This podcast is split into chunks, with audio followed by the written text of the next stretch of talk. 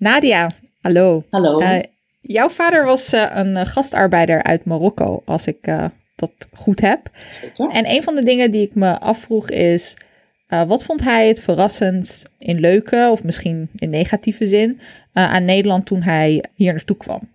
Hij kwam in 1970 naar Amsterdam mm -hmm. via Parijs. En nou, in die tijd nou ja, kon je natuurlijk heel makkelijk werk vinden.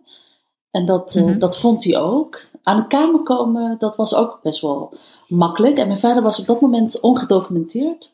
Had geen mm -hmm. uh, geldige verblijfsvergunning. Maar goed, het waren de jaren zeventig. Alles kon, alles mocht. Dus hij, um, hij huurde een kamer bij een politieagent. En die politieagent, ja, normaal gesproken moest je daar eigenlijk uh, ver weg vandaan blijven. Maar dat, dat kon dus gewoon in die tijd. Uh, dus bij de autoriteiten een kamer huren zonder dat iemand vroeg: hey, hoor jij hier wel in het land te zijn? Oh, wauw. Ja, dus dat, uh, dat is heel typisch. Iets voor uh, begin jaren 70, waarbij ja, alles kon, alles mocht eigenlijk. En, en niemand de ingewikkelde vragen stelde. Maar kijk, ik ben migratiehistoricus, dus ik heb natuurlijk ook heel vaak mijn, mijn familieleden geïnterviewd van de eerste generatie. Ja. Mijn vader had een broer hier, ook in Amsterdam. En, en die broer was getrouwd met de zus van mijn moeder. Dus echt familie, familie. Mm -hmm. En uh, wow. we gingen vaak bij elkaar op visite, onaangekondigd. Je ging gewoon. En wie het eerste bij de ander was, ja, die had uh, mazzel. Want dan werd je gewoon in, in, de watten gelegd en er werd voor je gezorgd. Maar goed, uh, ik had neefjes en nichtjes en wij, waren, wij woonden in de Pijp, zij woonden in Amsterdam-Oost. Dus wij waren daar en uh, zondagavond en we maakten natuurlijk veel te veel kabaal. En de benedenbuurvrouw, de Nederlandse buurvrouw, die was het op een gegeven moment helemaal zat. En uh, dus die bonste op de deur en mijn tante deed open. En toen zei die buurvrouw, Jezus Mina, is het nu afgelopen met die herrie? En mijn tante die dacht, wacht even, het is echt niet, heus niet alleen maar Mina die kabaal maakte. Ook die andere kinderen maken kabaal, want mijn nichtje heet Mina. dus die hele uitdrukking van Jezus Mina, die, ja, ze begreep dat gewoon niet. Wij... fantastisch. en uh, ja, dus die, dat vind ik zo mooi. Dat, dat, uh, dat ze echt, ze was zo beledigd. Hoezo alleen maar Mina? Er zijn acht kinderen hier in huis. Ze maken allemaal een kabaal. Dat is niet, uh, niet eerlijk dat alleen Mina de schuld kreeg. Dus die buurvrouw had zoiets van: Wat?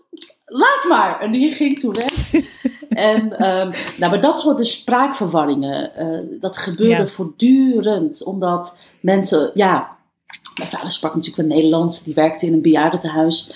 En uh, dus hij is uh, min of meer groot geworden ook met die bejaarden. Dus hij, mm -hmm. hij sprak voortdurend Nederlands, begreep wel. Maar vaak, soms begreep ik niet of stond hij niet of zei hij net de dingen verkeerd. Nou, hij werkte in een bejaardentehuis. Wij werkten er ook allemaal als afwasser. Mijn vader was conciërge daar.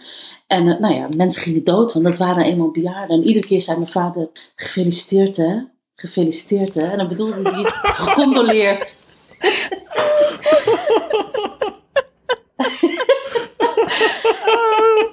en de laatste, la, laatste anekdote. La, uh, ja, heel plechtig, zo serieus gezicht, verdrietig, gefeliciteerd hè. En uh, een laatste anekdote, die vind ik echt heel mooi. Nou, mijn vader was dus daar conciërge en wij werkten daar als afwasser. Nou, dat moest allemaal. Op zondag werkten we daar dus. En uh, we dronken allemaal koffie en lunchten we samen. En mijn vader komt uit Zuid-Marokko. Een specifieke gemeente die heet. Eet Meloul. Mm -hmm. Dus mijn vader ging dat uitleggen aan de chique directrice. die had op zondag gekapt haar en die zag er altijd heel deftig uit. Dus mijn vader ging uitleggen waar die precies vandaan kwam. En hij zei de hele tijd, nou, ik kom dus uit Eet me lul. Ja, Eet me lul is prachtig. Eet me lul. Dus op een gegeven moment zei hij, pa, dat nu weet ik ik dacht wel. dat het heen zou gaan. En zij wist niet waar ze het zoeken moest. Dus ze keek hem aan van, oké okay, Bram, mijn vader Brahim, maar daar was die Bram. Nu, nu weten we het wel. En wij zeiden op een gegeven moment, pap, nu even je mond houden. En hij begreep het niet. En later zeiden we, pap, eet me lul. Ja, eet me lul.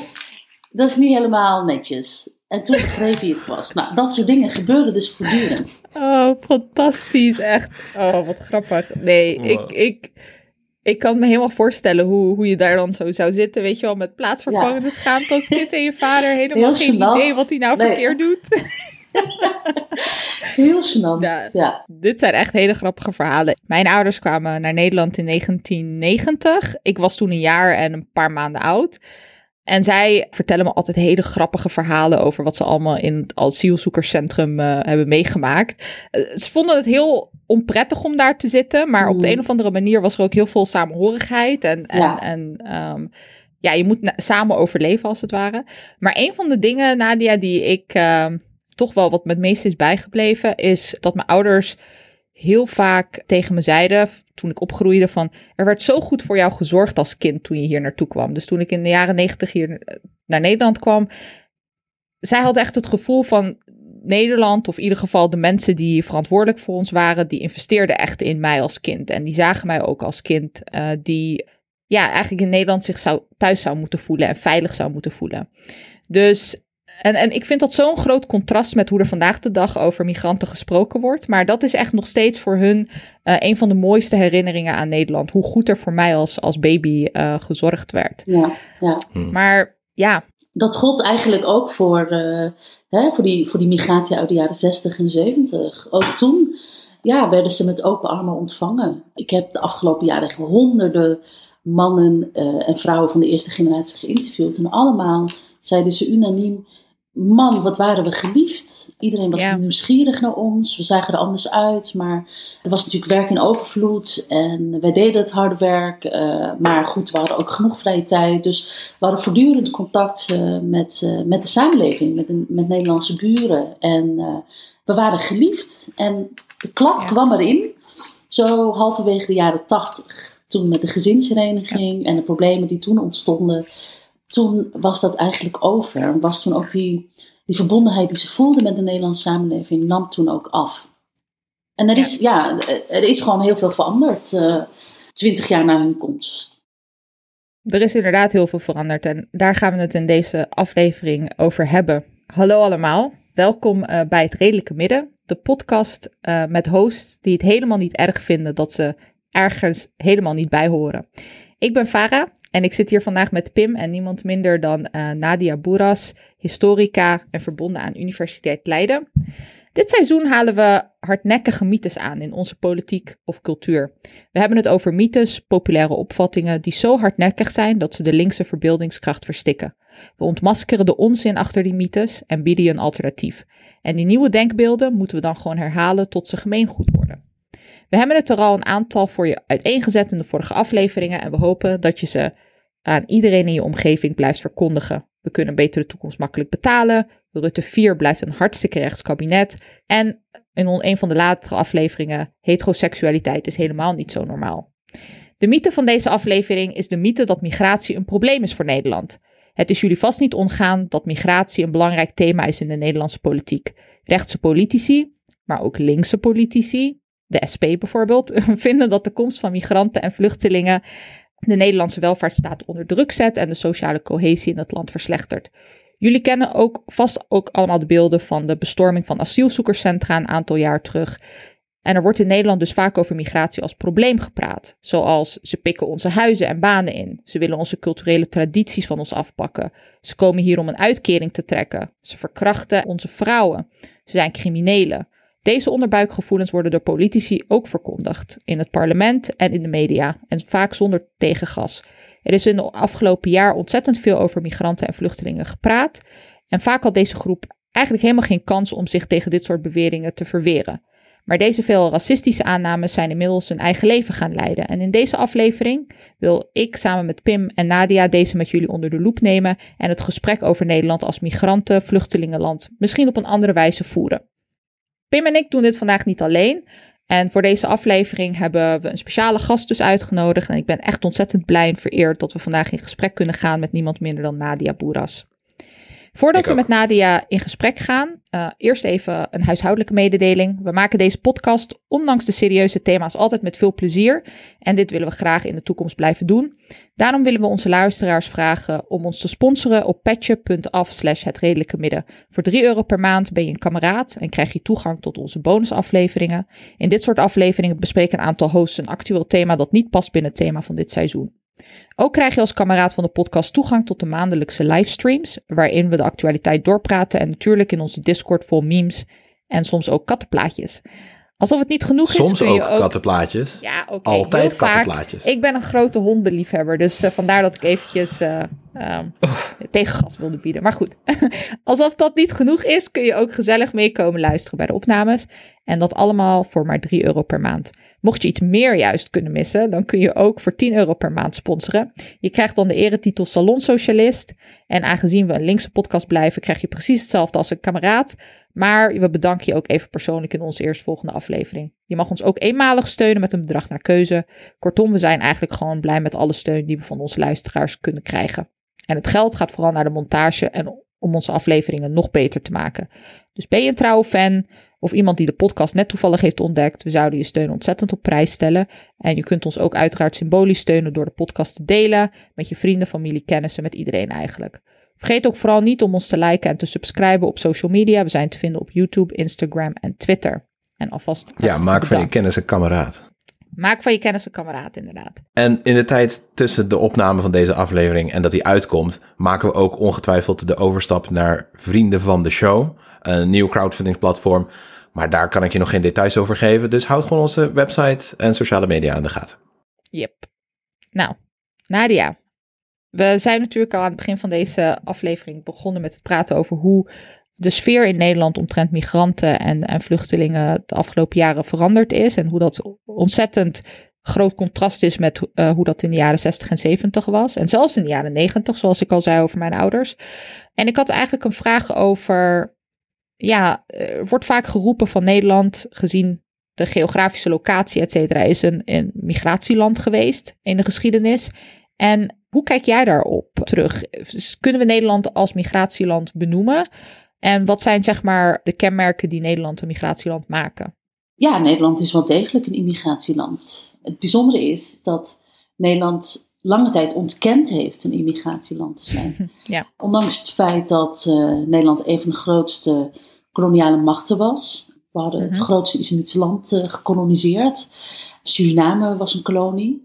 En midden in die periode bleef men dus geloven in de onschuld. Dat zijn wij niet en dat maakt ons dus ook geen immigratieland. Ondanks het feit dat op het moment dat men dat beweerde, Nederland geconfronteerd werd met de komst van ongelooflijk veel uh, migranten. Mhm. Allereerst in de jaren 50 natuurlijk uit uh, voormalig Nederlands-Indië, dus het land dat mhm. Indonesië is gaan heten. Daar kwamen ontzettend veel repatrianten vandaan. Mhm. Grote groepen die hier naar Nederland kwamen. Je zou het massa-immigratie kunnen noemen. Er was echt wel een periode van massa-immigratie in Nederland. Nou ja, die, wat zijn repatrianten? Nou, Nederlanders die teruggaan naar het moederland. dus uh, je had in Nederlands-Indië had je natuurlijk uh, ja, verschillende groepen. Uh, je had Nederlanders die daar naartoe gingen, ooit. Je had Nederlanders die daar geboren waren. Je had hun nakomelingen. En omdat ze onderdeel uitmaakten van het Koninkrijk der Nederlanden, waren het gewoon landgenoten. Alleen wonen ze dan in Nederlands-Indië. En dat gold bijvoorbeeld ook voor Surinamers.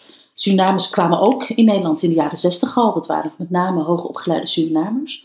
Vlak voor de onafhankelijkheid van Suriname in 1975 kwamen ook hele grote groepen Surinamers in Nederland. Omdat dat toen nog kon. Hè? Uh, dat waren mhm. ook landgenoten. Die gingen gewoon naar het moederland. Dus Nederland had daar helemaal geen. Kon, kon hen ook niet stoppen, want ze hadden het volste recht om naar Nederland te komen. Nou, in diezelfde periode, of iets eerder, jaren 60, zien we de komst natuurlijk van, uh, van arbeidsmigranten, gastarbeiders. Eerst in mhm. Europa zelf, Zuid-Europa, dus Italianen, Spanjaarden, Grieken, Portugezen, Joegoslaven, die kwamen naar Nederland om gastarbeid te verrichten. Daarna kwamen Turken en Marokkanen. En dat, dat heeft geduurd tot 1973. Vanaf dat moment is er een wervingsstop afgekondigd in heel Noordwest-Europa, zou ik maar zeggen. Dus ondanks het feit dat Nederland ongelooflijk veel mensen zag komen. En eerst heel mhm. veel mensen zag gaan. Hè, Nederlanders die naar Canada, Amerika Australië, Nieuw-Zeeland, et cetera. Mhm. Maar in het decennia daarna kwamen ongelooflijk veel mensen in Nederland. En toch bleef men vasthouden. Dus het formeel standpunt van het kabinet, van de regering was destijds: wij zijn geen immigratieland. En het was pas Hmm. in 1983 dat formeel erkend werd dat we wel degelijk een immigratieland waren geworden. Dus bijna schoorvoetend gaf men toe: oh ja, ze zijn hier en ze gaan ook niet meer weg. Dus we zijn eigenlijk stiekem wel een immigratieland geworden. Dus het is heel, heel lang ontkend. En dat ontkennen, dat gebeurt niet zomaar. Dat heeft natuurlijk een functie. Ja, precies. Als je geen immigratieland bent, dan hoef je ook niet zo heel veel met die migranten te doen. En je hoeft Mhm. helemaal niet eh, integratiebeleid eh, te bedenken en te implementeren. Dus dat had ook een functie. Hè? Wij zijn het niet. Dus ja, het is misschien een ontkenning. In denial. We, we, weten, we zijn het niet, we weten het niet. Maar op een gegeven moment eh, is het ook eh, bewust beleid geweest. Van zolang we het niet erkennen, dan hoeft er ook niks aan te doen. En dus ja, 30 jaar van eh, zeg maar na de Tweede Wereldoorlog ongeveer tot halverwege jaren 70 zagen we in Nederland natuurlijk in verschillende groepen komen. Maar toch heeft men nooit gedacht, dat maakt ons dan een immigratieland. En van waar dan die algemene stop op gastarbeiders in eh, de jaren 70? Ja, 1973, Waarom- waarom gebeurde 1973. De internationale oliecrisis ontstond. En dat betekende dat eh, de olieprijzen omhoog gingen, dat eh, voor heel veel bedrijven het ingewikkeld was om eh, buitenlandse arbeiders aan te trekken. En economisch ging het ook iets minder. Niet zo erg als in de jaren 80, daar kom ik zo dadelijk misschien iets over, over te spreken. Maar dat was wel een punt dat er een wervingsstop was afgekondigd. Dat betekende dat de mensen die er al waren, die konden gewoon blijven. Maar er kwamen geen nieuwe mensen. En de mensen die dan tijdelijk terug wilden gaan naar hun land van herkomst, die mochten niet meer terugkomen. Oh. Dus een heleboel gastarbeiders die dachten, ja, als ik nu wegga, ja, dan kan ik niet meer het land in. Weggegaan is plaatsvergaan. En we hebben het natuurlijk Hmm. over gastarbeid. Dus ook Nederland, de migranten zelf, maar hun landen van herkomst. Allemaal gingen ze vooruit dat hun verblijf in Nederland maar tijdelijk was. Ja, En het was dus ook niet economisch aantrekkelijk meer om nieuwe gastarbeiders te ontvangen. Dat was het eigenlijk. Nee, er, was, eh, er, waren genoeg eh, gastarbeiders. En economisch was er dus ook geen, eh, geen eh, behoefte meer aan nieuwe krachten, arbeidskrachten. Het gebe- wat, er da- wat er daarna gebeurde was heel paradoxaal. Want als je een wervingsstop afkondigt, dan zeg je eigenlijk, nou, we willen minder migratie. Maar wat er gebeurde, is dat er juist meer migratie kwam. En dat is denk ik het belangrijke thema überhaupt in de geschiedenis. Hè? Dus eh, onvoorziene gevolgen. Hè? Dus je hebt beleid en je hebt onvoorziene gevolgen. Mhm, mhm. En dit was duidelijk een geval van, nou Ja. we gaan de migratie stoppen. En dan maar hopen dat er dan minder mensen zullen komen. Maar er kwamen juist meer mensen. Want de mensen die daar waren, die dachten, nou, ik blijf nog even. Want het is veel te riskant om terug te gaan. En bovendien ontstond toen de gezinshereniging. Die Ja, toen op. Dat is, het is zo interessant hoe je dat, eh, hoe je dat beschrijft, Nadia. En vooral zeg maar wanneer je refereert op het laatst aan onvoorziene gevolgen. Eh, en het, het, het lijkt eigenlijk een beetje een terugkerend thema te zijn dat eh, Nederland, wanneer het, wanneer het juist een streng migratiebeleid voert, dat het juist averechts werkt op zeg maar en het doel voorbij gaat, zeg maar, wat, wat ze eigenlijk zouden willen bereiken met dat beleid. Maar vandaag de dag lijkt er ook wel weer een soort van andere mythe te ontstaan. Wat de mythe is dat Nederland de migratie niet meer aan kan. En de mythe dat eh, Nederland eigenlijk een van de landen is die het meeste men, of de meeste mensen opvangt. En dat we eigenlijk een beetje te veel aan het doen zijn op dit moment. En ik heb een beetje naar de cijfers gekeken van bijvoorbeeld de afgelopen vorig jaar kwamen er 106.000 migranten naar Mhm. Nederland en dat waren Europese migranten. En er kwamen 125.000 migranten van buiten Europa naar Nederland. En dat waren mensen uit voormalig Sovjet-Unie, eh, Syrië en Turkije. Maar er komen dus ook mensen uit. De grootste groep migranten die eigenlijk naar Nederland komt, zijn Polen op dit moment. Maar er heerst dus nog steeds in publieke discours in Nederland het idee dat, Mhm. ehm, ja, dat het er te veel zijn. En, en dat het een probleem is, een structureel probleem.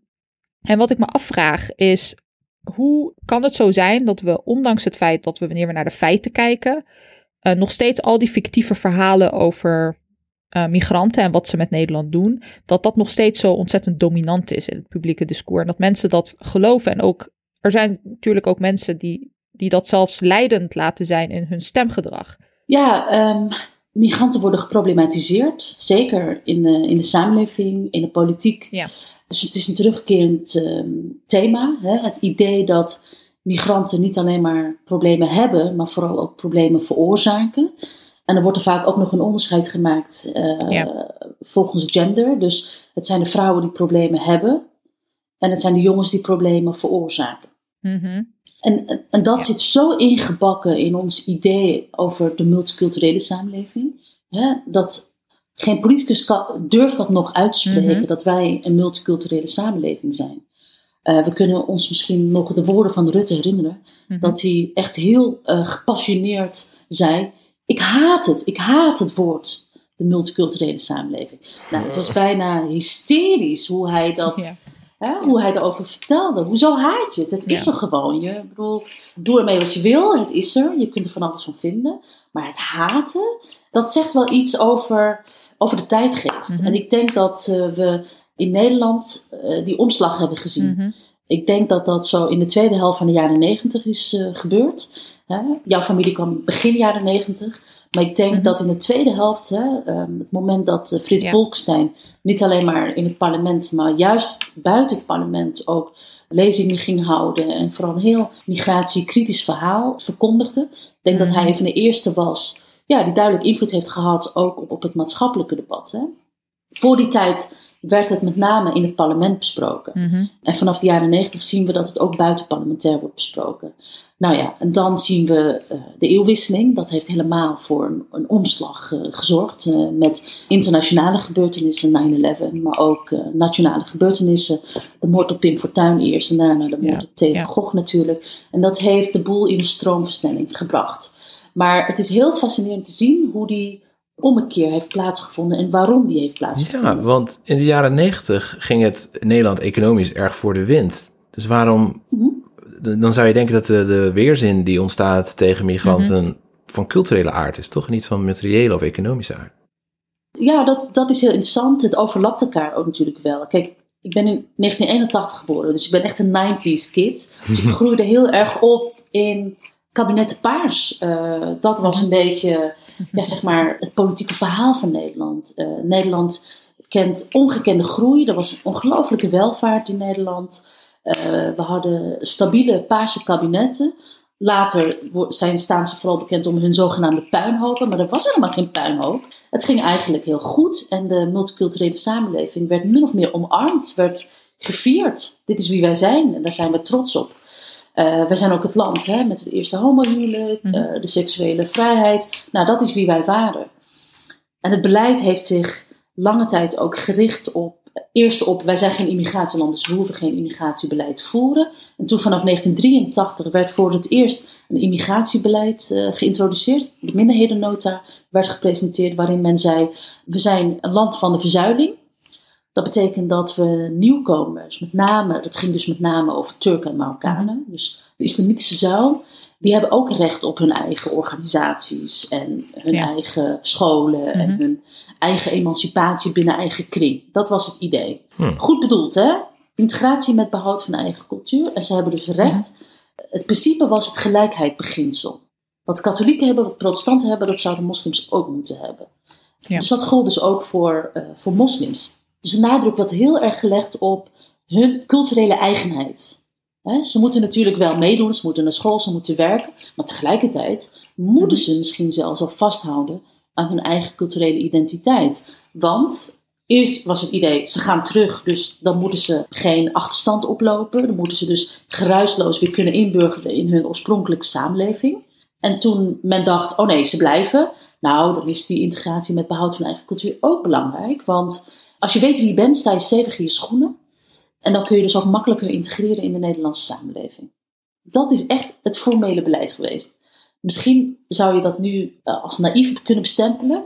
Maar in die tijd was dat dus echt het, het idee. Hè? Onderwijs in eigen taal en cultuur bijvoorbeeld. Dat was heel lang een hoofdpijndossier. Maar men bleef daaraan vasthouden. Omdat men eh, in beginsel oprecht overtuigd was dat wie weet wie die is en wie zijn eigen identiteit kent, zijn eigen cultuur waardeert, die heeft een soort zelfvertrouwen dat ehm, heel erg helpt bij de integratie. Fascinerend. Dus, maar er was, er, was er dan ook wel een idee over wat die integratie uiteindelijk zou moeten zijn in Nederland? Want als ik, ik, ik luister ernaar en ik denk ook bij mezelf, aan de ene kant is dat natuurlijk een heel mooi voornemen om zo open te zijn naar mensen toe. Mhm. Maar er zit ook een andere kant aan, waarbij je dus eigenlijk zegt van, want we hebben het hier natuurlijk over migranten en hun nakomelingen. Van waar stopt dat dan? Weet Ja. je wel? Eh, wanneer horen ze Mhm. er volledig bij? Of wanneer kunnen ze zich helemaal integreren in de samenleving? Ja, Dus ik denk ook dat daar best wel een spanningsveld ja zit. zeker. Het begrip integratie, dat is natuurlijk ook onderhevig aan verandering door de tijd heen. In die periode, dan hebben we tot halverwege jaren negentig, was het idee, ze moeten naar school, ze moeten werken. Ja, dus sociaal-economische integratie, dat was heel erg belangrijk. Maar goed, het was eh, de WRR, dus de Wetenschappelijke Adviesraad voor de Regering, zoiets. Zoeken we nog op. En die adviseerde, die geeft, die geeft de overheid gevraagd en ongevraagd advies. Mhm. En die maken allerlei rapporten, integratiemonitors en dat soort dingen. En die zeiden, ja, jongens luister eens even. Jullie hebben te veel de nadruk gelegd op de culturele eigenheid van migranten. Mhm. En eigenlijk hun sociaal-economische positie een beetje terzijde geschoven. Daar hebben jullie niet Mm. evenredig veel aandacht aan besteed. Met als gevolg dat juist die groepen die het zo zwaar hebben in de samenleving, enorme achterstanden hebben. Ja. Ja, als het gaat om de positie op de arbeidsmarkt, als het gaat over de woningmarkt, als het gaat eh, over hun onderwijsniveau. en toen heeft de WER geadviseerd, jullie moeten stoppen met de nadruk leggen op die culturele eigenheid en meer investeren in sociaal-economische integratie. Dus verbetering van de positie op al die sociaal-economische domeinen in de samenleving. Toen heeft de overheid gezegd, ja, dat is eigenlijk wel een goed idee, dat moeten we inderdaad gaan doen. Maar goed, intussen was er wel, ja, natuurlijk had je twee decennia lang dat beleid gevoerd. en dat had natuurlijk ook zijn weerslag op die groepen. En toen kwam Bolkestein, die zei, ja, nu is het afgelopen. De islam is helemaal niet gelijk aan eh, het christendom. Sterker nog, het bijt elkaar. Dus we moeten dat niet gelijkwaardig waarderen. We moeten nu veel meer inzetten op culturele aanpassing van immigranten. En in deze periode ging het nog altijd over Turken en Marokkanen, die overwegend islamitisch zijn natuurlijk. Want die vroegere gastarbeiders, de Italianen en de Spanjaarden, ja, die, die hadden natuurlijk eh, min of meer hetzelfde geloof. Die trouwden ook heel vaak met, Nederlandse partners. En in de meeste gevallen gingen ze ook terug naar hun landen van herkomst. Ja. Dat gebeurde niet bij Turken en Marokkanen, omdat teruggaan voor hen nooit echt een serieuze optie was. Want het ging economisch heel slecht in hun landen van herkomst. En bovendien hadden ze in Nederland heel veel rechten opgebouwd. Dus teruggaan, dat zou, eh, dat zou niet zo heel verstandig zijn. Dus hun, hun toekomst lag in Nederland. Dat hadden ze zich wel gerealiseerd inmiddels. Maar wat er gebeurde, ik denk dat als je wil snappen waar de huidige zwakke sociaal-economische positie van een heleboel Mhm. Turkse en Marokkaanse migrantie- eh, migranten, waar dat vandaan komt, dan moet je kijken naar de jaren tachtig. Want die mannen, die mannen bleven, want als je eenmaal terugging, kon je niet meer terugkomen naar Nederland. En in tegenstelling tot de jaren zeventig, waarbij ze volop werk hadden, gebeurde in de jaren tachtig eh, iets anders. Namelijk opnieuw een economische crisis. En deze keer troffen de gastarbeiders wel. Mhm. Want dat betekende dat de fabrieken gingen sluiten, dat de sectoren waar traditioneel heel veel gastarbeiders werkten, die verdwenen uit Nederland. Ja. Denk aan de, de zware industrie, aan de scheepsbouw, denk aan de mijnindustrie, die ging al veel eerder dicht. Een heleboel textielfabrieken bijvoorbeeld, waar heel veel Turkse en Marokkaanse migranten werkten, die werden verplaatst naar lage loonlanden in Zuidoost-Azië. En als je die cijfers erbij pakt, in 1983 bijvoorbeeld, was de helft van de Marokkaanse mannen in de leeftijd 19 tot 49 werkloos. Dus er was sprake van massale werkloosheid. En die massale werkloosheid viel heel ongelukkig samen met de gezinshereniging. Mm. Ach, De gezinshereniging waar Nederland helemaal niet op zat te wachten, maar waar de migranten het volste recht op hadden. Precies, ja. Volgens nationaal recht, maar ook volgens allerlei eh, internationale mensenrechtenverdragen. Je hebt het recht om bij je gezin te Mhm. leven. En die gezinshereniging kwam dus in een periode dat die mannen massaal hun werk eh, verloren. Ga er maar aan staan. Hè. Je, bent, je bent dus een gastarbeider, je komt in de jaren 60, er is volop werk, je bent een ongelofelijke winnaar. eh, je stuurt geld naar huis en dan verlies je je baan. En in dezelfde periode komt je gezin over. Relatief waren dat grote gezinnen Mhm. weinig geld. Je bent geen kostwinnaar meer. Je bent afhankelijk van een kleine uitkering. Kinderen moeten naar school, moeten integreren in het onderwijs. Je vrouw spreekt de taal niet en, en ineens ben je vader en echtgenoot. Dus dat gaf heel veel spanningen binnen het gezin. Nog even los van die grote sociaal-economische spanningen, maar gewoon die kleine persoonlijke spanningen binnen het gezin.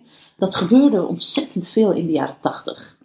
En het was dus in die fase dat migratie zichtbaar werd in de samenleving. Dat ook de samenleving ja, een standpunt begon in te nemen over die hangjongeren die maar niks deden. Ja. Drugsgebruik was, was enorm onder tweede generatie jongeren. Meisjes die vaak bijvoorbeeld niet naar school konden. Ja, en, en dat is wat we, wat we ons herinneren als het gaat over migratie. Niet meer die vrolijke jaren zeventig met die mannen mhm. in hippiekleding en uh, met afro's en ze waren charmant en leuk en schattig. En iedereen vond ze leuk en ze werkten zo hard. In de jaren tachtig kantelde dat beeld enorm. En ik denk dat we vanaf dat moment ons gaan realiseren, ja wacht eens even, migratie kan ook voor heel veel problemen veroorzaken. Op de eerste plaats voor de mensen zelf. En natuurlijk en daarna pas voor de samenleving als geheel. Dit is, dit is echt heel fascinerend. In de aflevering zover hebben we eigenlijk nog niet echt een onderscheid gemaakt tussen aan de ene kant ja, migranten en aan de andere kant vluchtelingen. En eh, wat ik ook zeg maar beschreef aan het begin van de aflevering, mijn ouders waren dan vluchtelingen in de jaren negentig. En ik vroeg me af of daar ook zeg maar een, een soort van verschil ziet in de manier waarop er over vluchtelingen vis-à-vis migranten gesproken wordt. Want ik, in de jaren negentig, wat ik me dan daarvan kan herinneren en wat ik dan vaak zeg maar lees, is dat er ook wel in Nederland het idee was van dit zijn mensen die hulp nodig hebben en dat kunnen we bieden. Maar er was toch wel echt een onderscheid tussen vluchtelingen en migranten. En dat onderscheid zie je vandaag de dag dus veel minder. En ik vroeg me af ja, wat voor ideeën jij daarover hebt, zeg maar, dat onderscheid wat gemaakt wordt. Ja, je had, je, je had dus die klassieke migranten die al decennia lang in Nederland waren. Turken, mm Marokkanen, die waren natuurlijk de, grootste groepen, dus in aantallen enorm zichtbaar in de samenleving. Je had de Surinaamse, de postkoloniale migranten. En daarna had je, de, had je de vluchtelingen. Een aparte categorie inderdaad. Daar golden al andere regels, regels voor. Die werden vaak, niet altijd, maar wel enigszins met open armen ontvangen. Vanuit het idee, we moeten iets voor hen doen.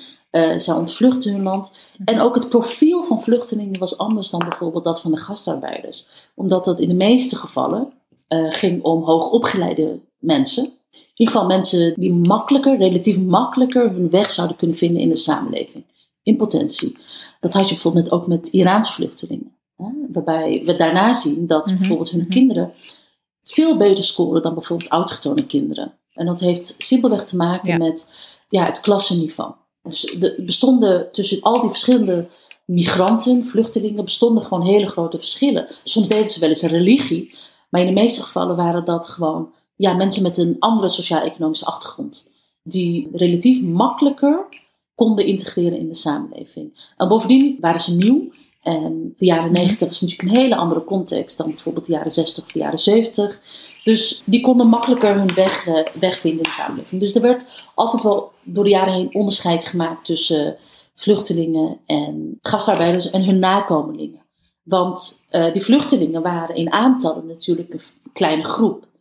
Als je het geheel bekijkt. Hè? Mhm, mhm. En ja, we hebben het over mythes gesproken. Een van de mythen tegenwoordig is: we worden overspoeld door migranten. Hè? Er worden ook die die uh, watermetaforen worden gebruikt. Hè? Tsunami aan moslims mm komt die kant op. Afrika, heel Afrika loopt leeg en komt deze kant op. Uh, dreiging. Hè? Dat, is, dat is wat je in je onderbuik moet voelen. Ja. Dit is dreiging. Dit kan nooit goed gaan. Maar tegenwoordig is er helemaal geen sprake van massa-immigratie. Wanneer er wel sprake was van massa-immigratie, is zeg maar de periode van die gezinshereniging. Dus 1975 mhm. tot, laten we zeggen, 1985 die periode is echt wel massa-immigratie. Weet je over hoeveel mensen we het dan ongeveer hebben? Want nu hebben we het over enkele duizenden per jaar, toch? Ja. En destijds? Nou, er kwamen dus echt honderden duizenden. Nou, dat is ook overdreven, maar tientallen duizenden kwamen tegelijk. Per groep, hè? Dus voor de Marokkanen en voor de Turken. Mhm. En Surinamers kwamen in periode ja, tot 1975. We hadden net die wervingstop afgekondigd. Dus er was enorme woningnood, nog steeds in Nederland, toen ook, toen al. Dus waar moeten we al die mensen laten? Uh, maar goed, je kan, die mensen, je kan de grenzen niet sluiten voor die mensen. Want Surinaamse, Surinamers hadden gewoon recht om naar Nederland te komen. Uh, die gezinsherenigers hadden ook gewoon alle recht om naar Nederland te komen. Ja. Dus, en de samenleving kun je nog wel warm maken voor vluchtelingen, want dat zijn uh, mensen in nood, acute migranten. Maar die gezinnen, die grote gezinnen, ja, hallo, is dat wel nodig? En als we het nu hebben over die, die mensonterende vergelijking van de tsunami, die is dan nog eens volkomen onterecht, omdat we het over echt hele lage, eigenlijk gênant lage aantallen hmm. migranten en vluchtelingen hebben. Ja, ik denk dat toen met Bolkestein begon het debat ook te kantelen. Toen kwam ook het onbehagen in de samenleving tot uiting. Want ze waren zichtbaar. Simpelweg vanwege de aantallen. Grote aantallen gebedshuizen. Je mhm. zag uh, vrouwen met hoofddoek. Die mannen, die eerst die, die, die, leuke stoere mannen van de jaren zeventig. Ja, die werden ook ouder. Die kwamen echt niet als moslim binnen. Die werden moslim in Nederland. Dus het hele idee van de, uh, onze buurten veranderen, dat. En ook concentraties van migranten. Het waren natuurlijk arme migranten. Armoede speelde een groot probleem.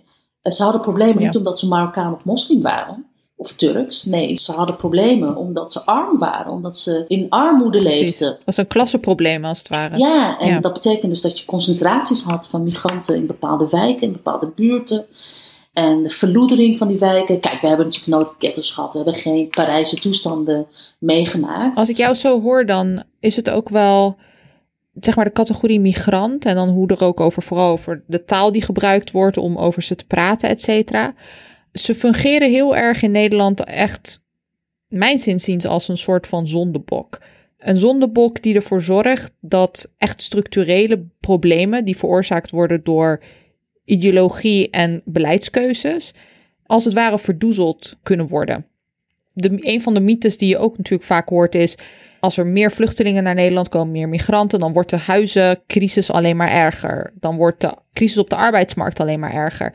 Maar het idee dat zij dus eigenlijk een beetje uh, de veroorzaker zijn van die problemen, is iets wat natuurlijk politieke partijen op rechts eigenlijk heel goed uitkomt. Want uh, zij willen het helemaal niet hebben over materiële, economische problemen. Zij willen het vooral hebben over cultuur. En dat is eigenlijk een beetje een soort van rode lijn die ik een beetje zie in de manier waarop we vooral vanaf ja, 2000, vooral op rechts heel erg over, over migranten en, en vluchtelingen spreken. En wat ik nu een beetje ook zie, is dat bijvoorbeeld links daar heel erg veel moeite heeft om een tegenantwoord te bieden. Terwijl eigenlijk, als ik er zo over nadenk, het zo is dat links, die zich vooral zeg maar, met economische problemen bezig zou moeten houden, daar juist op zou kunnen spelen. Maar dat doen ze niet. En, en ik vind het nog steeds tot op de dag van vandaag best wel een, uh, een, een, een doodzonde. Maar ook eigenlijk, ik, het verrast me waarom. Waarom ze dat niet willen doen. En zo'n politieke partij, ik bedoel, ik zei het ook al even tussen neus en lippen door aan het begin van de uitzending, zoals de SP, die uh, gewoon zonder schaamte eigenlijk zegt van ja, eigenlijk, eh, we zijn wel voor de arbeidersklasse, maar onze arbeiders eerst. Ja. Weet je wel? Ja. Dus eh, hoe, hoe kijk jij naar dat debat op, op links? Of binnen zeg maar linkse discours over, over vluchtelingen en migranten. En dat het zeg maar vooral nog steeds tot op de dag van vandaag een cultureel debat is. Ja, um, in dit kader vind ik het altijd heel belangrijk om Anil Ramdas te citeren. Mm Het is altijd, oh, altijd goed om Anil aan te halen. Precies. En die heeft een vlammend essay geschreven in 2011, in de NSC geloof ik, waarin hij dat minderhedenbeleid evalueerde van de Nederlandse overheid. En hij zei, vroeger werd heimwee gesubsidieerd en nu wil de overheid de herinnering aan het herkomstland uitroeien. Oh, wauw.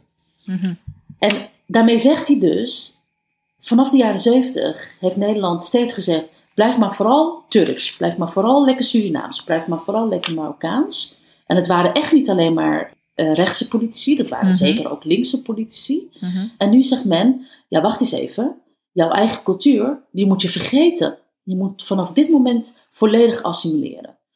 Met andere woorden, daarmee zeg je, als je dus mislukt bent, is het je eigen verantwoordelijkheid. Jij hebt dus een sterke verbondenheid met het land van herkomst. Terwijl je helemaal niet loyaal bent aan Nederland. Dat bijt elkaar. Hoe zit dat? En dit is precies die catch-22. Want je kunt niet bewijzen. Je kunt niet bewijzen dat je geen banden hebt met je land van herkomst. Mhm. of, of dat je wel volledig Nederlands bent. Of je Nederlands voelt. Of juicht als Nederland, het Nederlands elftal voetbalt. Of als, als André Hazes ineens uit de luidspreker komt. Dan sta je ook eh, de Polonaise doen je kan dat niet bewijzen, omdat, omdat die spelregels voortdurend veranderen. Ja. ja, en je hebt natuurlijk ook voor altijd een achterstand, omdat Nederland zijn altijd nog onlosmakelijk is verbonden met witheid. En ja, ja. ja je kunt dus dat niet winnen. Je kunt dat niet winnen. En bovendien, ik geloof ook niet dat. Ehm, het klopt ook niet. Dat is de grootste mythe rond migratie en integratie. Is dat de integratie mislukt is. Dat is de hmm. allergrootste mythe. En dat is onzin. Het was notabene Stef Blok van de VVD. Die een paar jaar geleden als minister van Buitenlandse Zaken heeft gezegd: Suriname is een failed state en samenleving oh bestaat niet en kan niet. Mhm. Het was, racistisch. Het, inderdaad, het was diezelfde blok die de commissie Blok voorzat mhm. in 2004. En de commissie Blok moest het Nederlandse beleid van de afgelopen decennia, de integratiebeleid, evalueren. En moest conclusies trekken. Wat was er nou gebeurd? En hun conclusie was: het gaat eigenlijk heel goed. met de kinderen van die voormalige gastarbeiders. Ja. En uh, heel opvallend, een andere conclusie was, en dat is niet per se dankzij het beleid, maar ondanks het beleid. Mm. Mm. Dus ondanks het beleid gaat het eigenlijk best goed met de integratie. Maar ja, we hebben het over 2004. We hebben net de moord op uh, eh, TV gehad, daarvoor de moord op Pim Fortuyn. Dus het was een, een, politieke boodschap die helemaal niet landde in de politiek. Niemand zat daarop te wachten. De samenleving dacht, ja, whatever, doei. Politici dachten, nee, dat kan ik niet verkopen aan mijn achterban. Dat kan ook niet, want ik moet juist het verhaal vertellen dat de integratie totaal mislukt is. Want waarom hebben mythes een functie? Kijk, als je zegt migratie is zo'n groot probleem, dat betekent dus dat je daarmee heel streng beleid rechtvaardigt. Ja.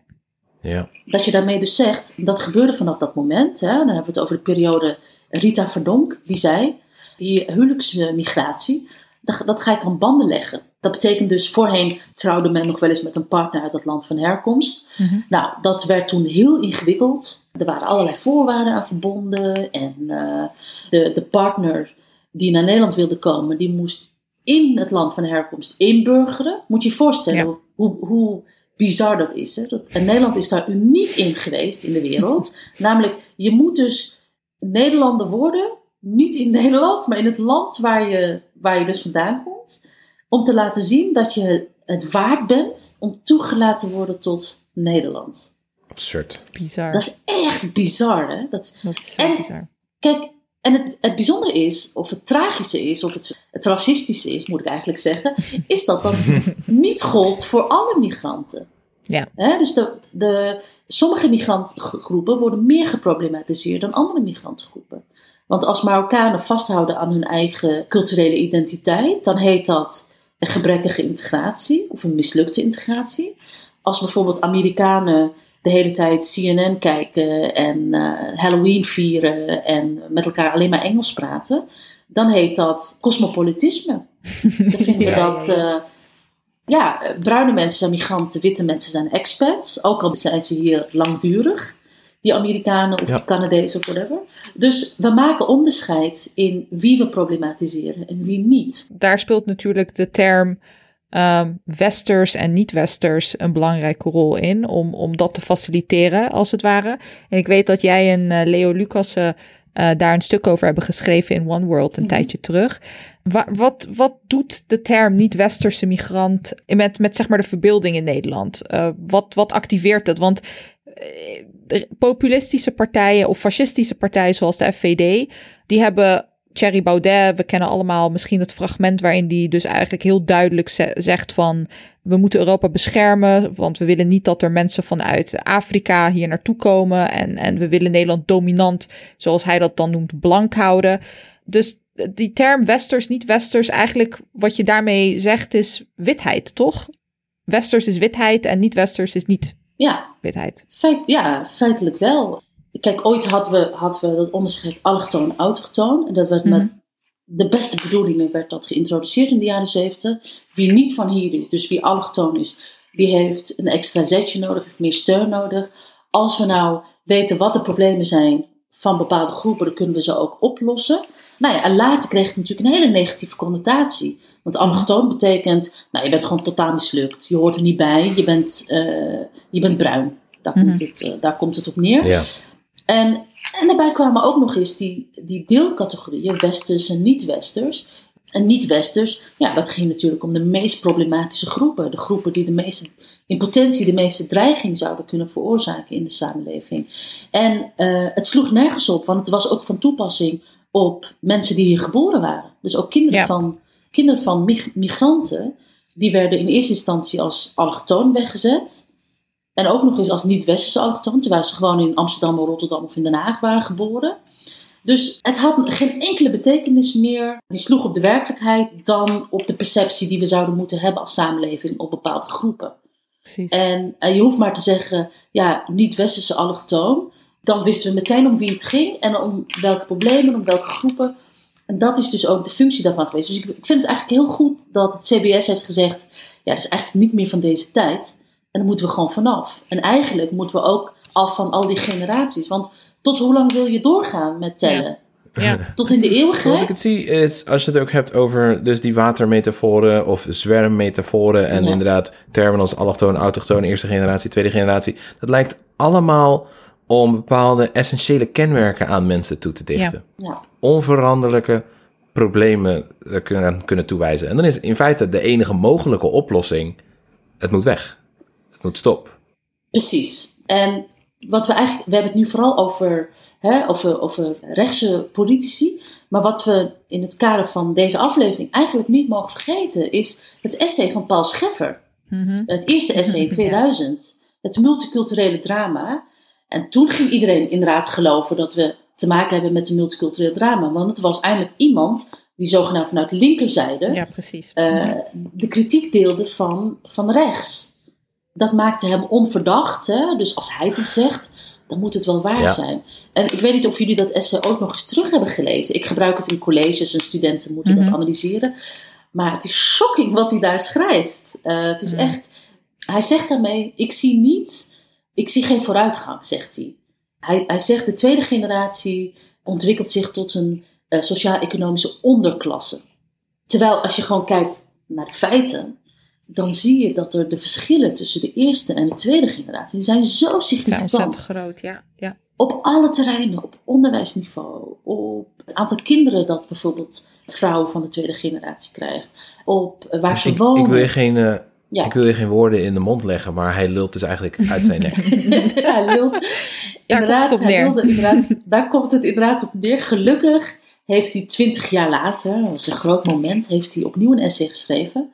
Waarin hij ook kritisch terugblikt op, op zijn eerste essay. Dat, ja, dat toch wel heel invloedrijk is geweest voor hoe we in Nederland over migranten praten. En daarin zegt hij ook, ja, ik heb dat heel erg onderschat, die ontwikkelingen. Ja, ik, nou ja, ik ben altijd heel persoonlijk in mijn college zo en ook in mijn, in mijn werk. Maar uh, als ik alleen maar kijk naar. Mijn vader was praktisch analfabeet. Ja. En, en dan heb je gewoon, krijg je kinderen die promoveren en kinderen die in het hoger onderwijs. Dus het is in één generatie is er een enorme inhaalslag gemaakt. Mhm. En um, ja, ik, ik ben van nature een optimist, omdat ik geloof dat pessimisme vooral iets voor de mensen met heel veel privileges is. Mhm. En als je alleen daarnaar kijkt, dan kun je gewoon niet ontkennen dat er enorme progressie is geweest. En dan vind ik niet dat je succes kunt afmeten aan diploma's. Daar ben ik helemaal niet van. Kijk, we hebben heel lang gedacht. Ah, migratie, nee, nee, nee. Oh shit, ze zijn hier, ze blijven hier. Nou ja, weet je wat, als ze dan toch zijn, dan willen we liever de goede migranten. Die moeten we koesteren. Ja. En de slechte migranten moeten we weg. Die, die, willen we niet. Ja, het is echt heel vreselijk je creëert en je houdt dus de mythe in stand dat je dus goede migranten hebt en slechte migranten.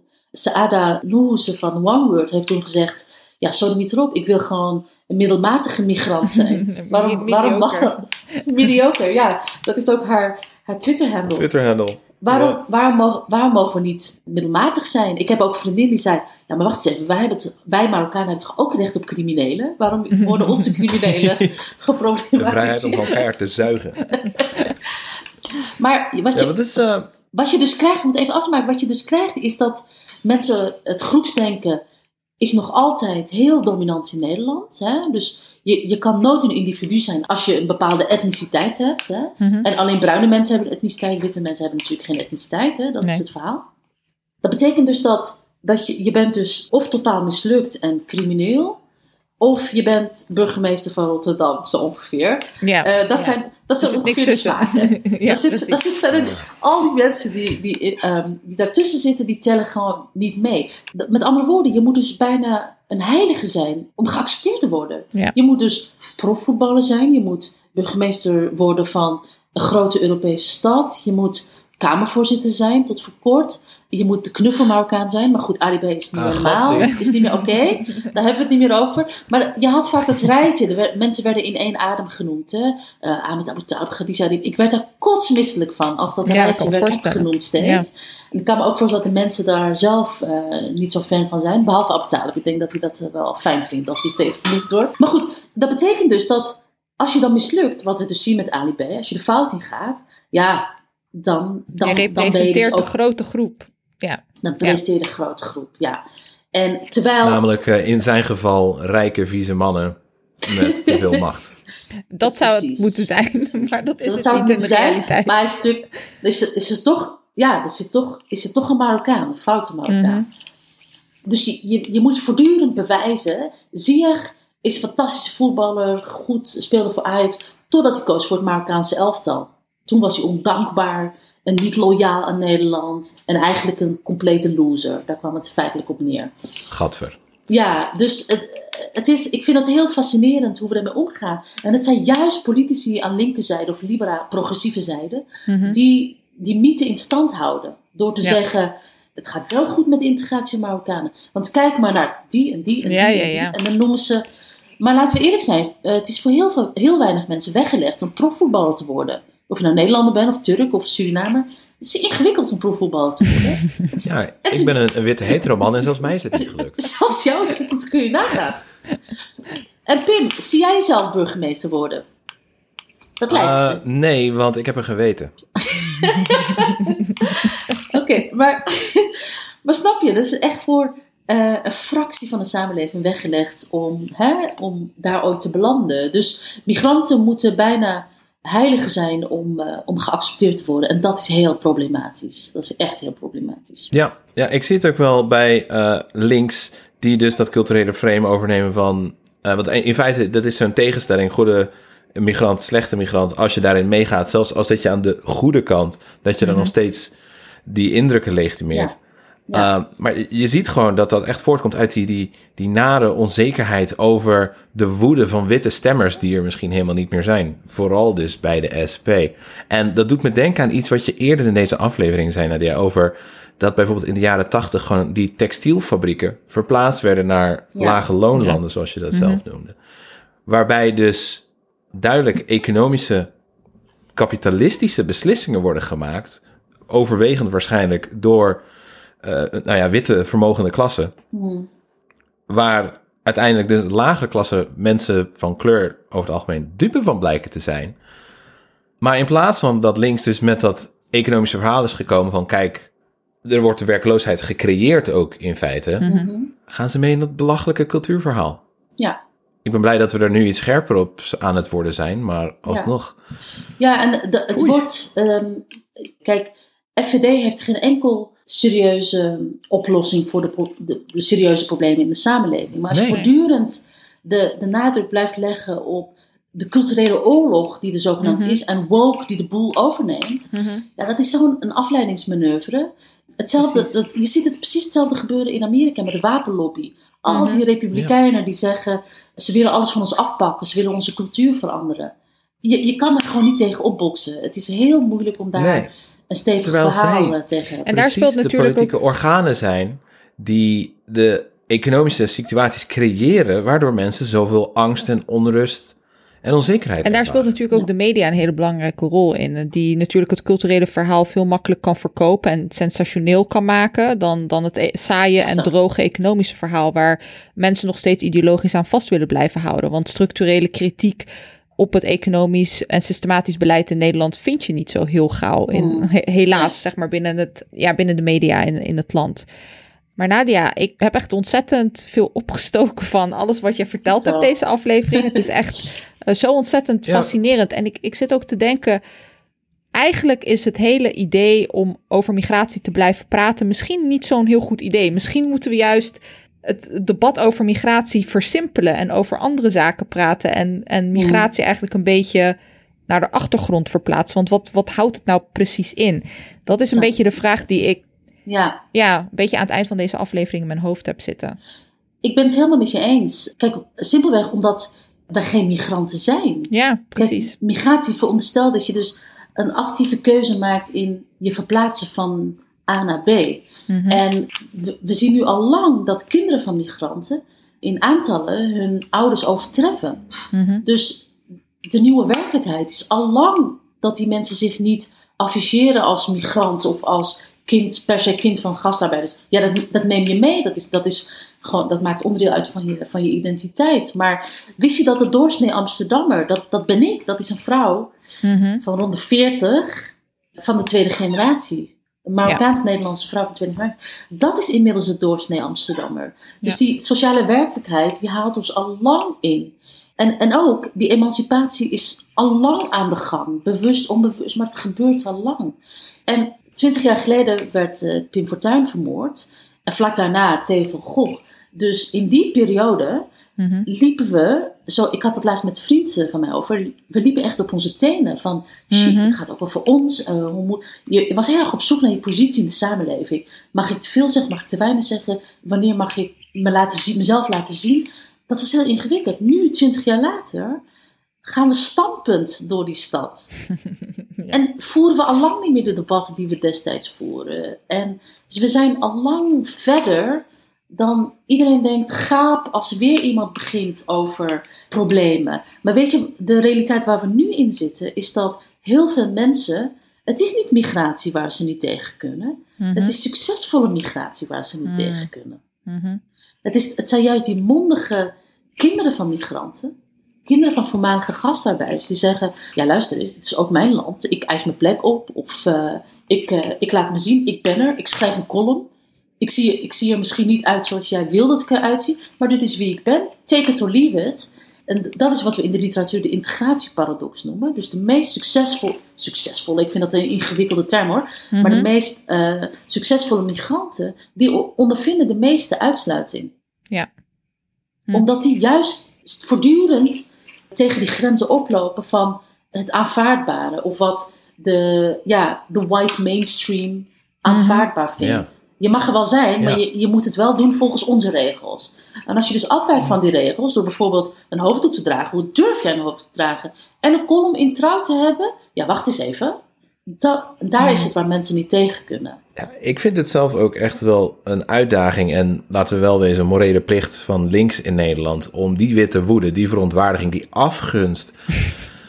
juist weg te halen van een plek die volkomen onterecht is, namelijk migratie. En dat weer te gaan richten op waar die ongelijkheid en die kansarme eh, situatie waar ze zelf in zitten vandaan komt. Ja. En de Amerikaanse historica Carol Anderson, die heeft een prachtig boek geschreven. White Rage heet het. Je zei het net, Mhm. Pim, witte woede.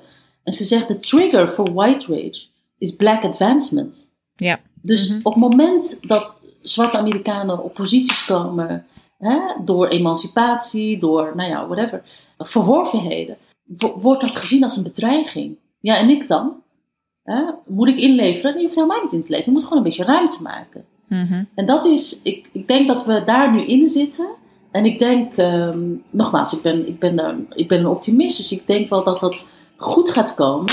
Maar ik zie nu bijvoorbeeld veel meer dat het gaat over kansgelijkheid, dat het gaat over de positie van zwarte Nederlanders. Mhm. Ehm, die Marokkanen, ja, nu, nu zijn we daar wel klaar mee. Ik bedoel, het begint nu saai te worden. Mhm. En omdat, omdat we voortdurend in een soort loop zitten en dezelfde debatten moeten aanhoren. Marokkanen zijn hier al ruim een halve eeuw. Genoeg nu, weet je? Eh, laten we het nu hebben over uitsluiting, over racisme, over discriminatie, over institu- institutioneel racisme. Ik denk dat dat nu de thema's zijn voor de toekomst. Waarbij we dus echt korte, me- korte metten gaan maken met die hardnekkige mythes die in de samenleving bestaan. Want je hebt gelijk, eh, Farah, want je zei misschien moeten we gewoon stoppen over migratie te praten. Maar zolang de samenleving over migratie praat, kun je dus een zondebok aanwijzen. Ja. Ehm, Want, want zoals het er naar uitziet, eh, met de conflicten die er vandaag de dag in de wereld zijn en, en, en de economische crisis die er aan gaat zitten komen, eh, de klimaatverandering, mobiliteit in de wereld gaat toenemen. En dat zal gezien de geschiedenis van imperialisme en kolonialisme vooral een, ja, een migratie naar het noorden zijn, als het ware, vanuit, eh, vanuit het Mhm. zuiden. Dus dit fenomeen gaat, gaat zich zeg maar zo blijven ontwikkelen. Het wordt niet minder. Maar zoals ik eigenlijk een beetje de conclusie van deze aflevering is dat de politiek constant achter de feiten aanloopt. Uh, en de realiteit niet wil accepteren. En we constant alleen maar bezig zijn met een bepaalde mythe in ons hoofd. Waar we beleid over proberen te maken, waar we over proberen te praten, et cetera.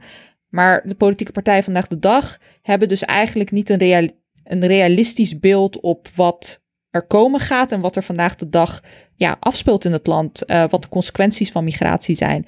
En ik denk dat dat vooral zeg maar een wake-up call moet zijn voor links, om zich daar wat ja, verder in te verdiepen en ook echt wat meer na te denken en, en wat meer te focussen op die structurele problemen. Ja, ik zou ze vooral meer moed willen mm aanpraten. ja, misschien is dat ook. Ja. Wees dapper. Een visie, inderdaad. Ja, precies. Wees dapper, ja. ja. Wees dapper. Dat is een mooie... Ja, niet meehuilen met de wolf in het bos. Dat, uh, dat is denk ik het allerbelangrijkste. Want, uh, want als het kwaad geschiet is, dan zeggen we: oh shit, dit hadden we niet aanzien komen. Maar je hebt het wel, ik bedoel, de toeslagenaffaire is niet vorig jaar of tien jaar geleden begonnen, maar twintig jaar geleden. Precies. Toen is het, uh, het zaadje geplant. Dus we moeten, we moeten daar veel alerter op zijn en tegengas bieden. Precies dat. Moet hebben. Het moet. Het moet. Dat is een mooie, mooie afsluiter. Dankjewel. Nou, we zijn bij het einde van eh, de, eh, van de aflevering eh, beland. En zoals jullie van ons gewend zijn, lieve luisteraar, krijg je ook een redelijke midden van deze week. En die komt van niemand minder dan Pim. Pim. Ja, hallo, dat ben ik. Um, het is een simpele. Het redelijke midden van deze week is dat we Lilian Marijnissen voortaan gewoon Marijnissen de Tweede gaan noemen. ja, ik, ik ben daar niet echt op tegen. Nou, al onze uh, bronnen, uh, luisteraar, kun je terugvinden. We hebben er flink een aantal uh, deze week. Die kun je terugvinden in onze show notes. die te vinden is op onze website, hetredelijkemidden.nl. En daar kun je ook alle voorgaande afleveringen van dit seizoen en eerdere seizoenen vinden. Mocht je dit nou een fijne en informatieve aflevering vinden, aarzel niet om hem te delen met je met je matties. Vooral degene die geloven in de mythes die we deze aflevering hebben ontkracht. Je kunt ons steunen op petje.af slash het redelijke midden vanaf 3 euro per maand krijg je dus toegang tot onze bonusaflevering, livestreams en Discord-server en opnames. En je kunt ook uiteraard een eenmalige donatie doen om ons te motiveren meer van dit soort afleveringen te maken. Volg ons ook op twitter.com uh, slash het redelijke midden en ook op instagram.com slash redelijke midden. En vragen, complimentjes, memes of ideeën voor nieuwe afleveringen kun je ons sturen via de mail naar hetredelijkemidden.gmail.com. En we horen altijd graag wat onze luisteraars denken. Nou, onze geweldige gast van vandaag uh, kun je volgen uh, of via Nadia Boeras op Twitter. Vooral doen. Ik doe het ook. Mm -hmm. En um, mij kun je op de Bird app en Instagram volgen op uh, Vara, Vara en Bazzy. Pim, jij bent helaas nog steeds niet op de socials te vinden, hè? Nee, ik ben too cool for school. Hij is too cool for school. Oké. Okay. Hey, luisteraar, heel erg bedankt voor, uh, voor het luisteren. En uh, tot de volgende keer. Nadia, ontzettend bedankt nogmaals. Heel graag gedaan. Oké, okay, doeg!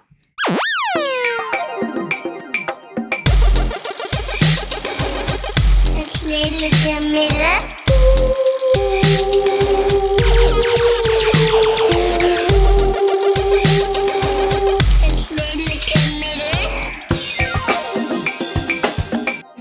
podcast.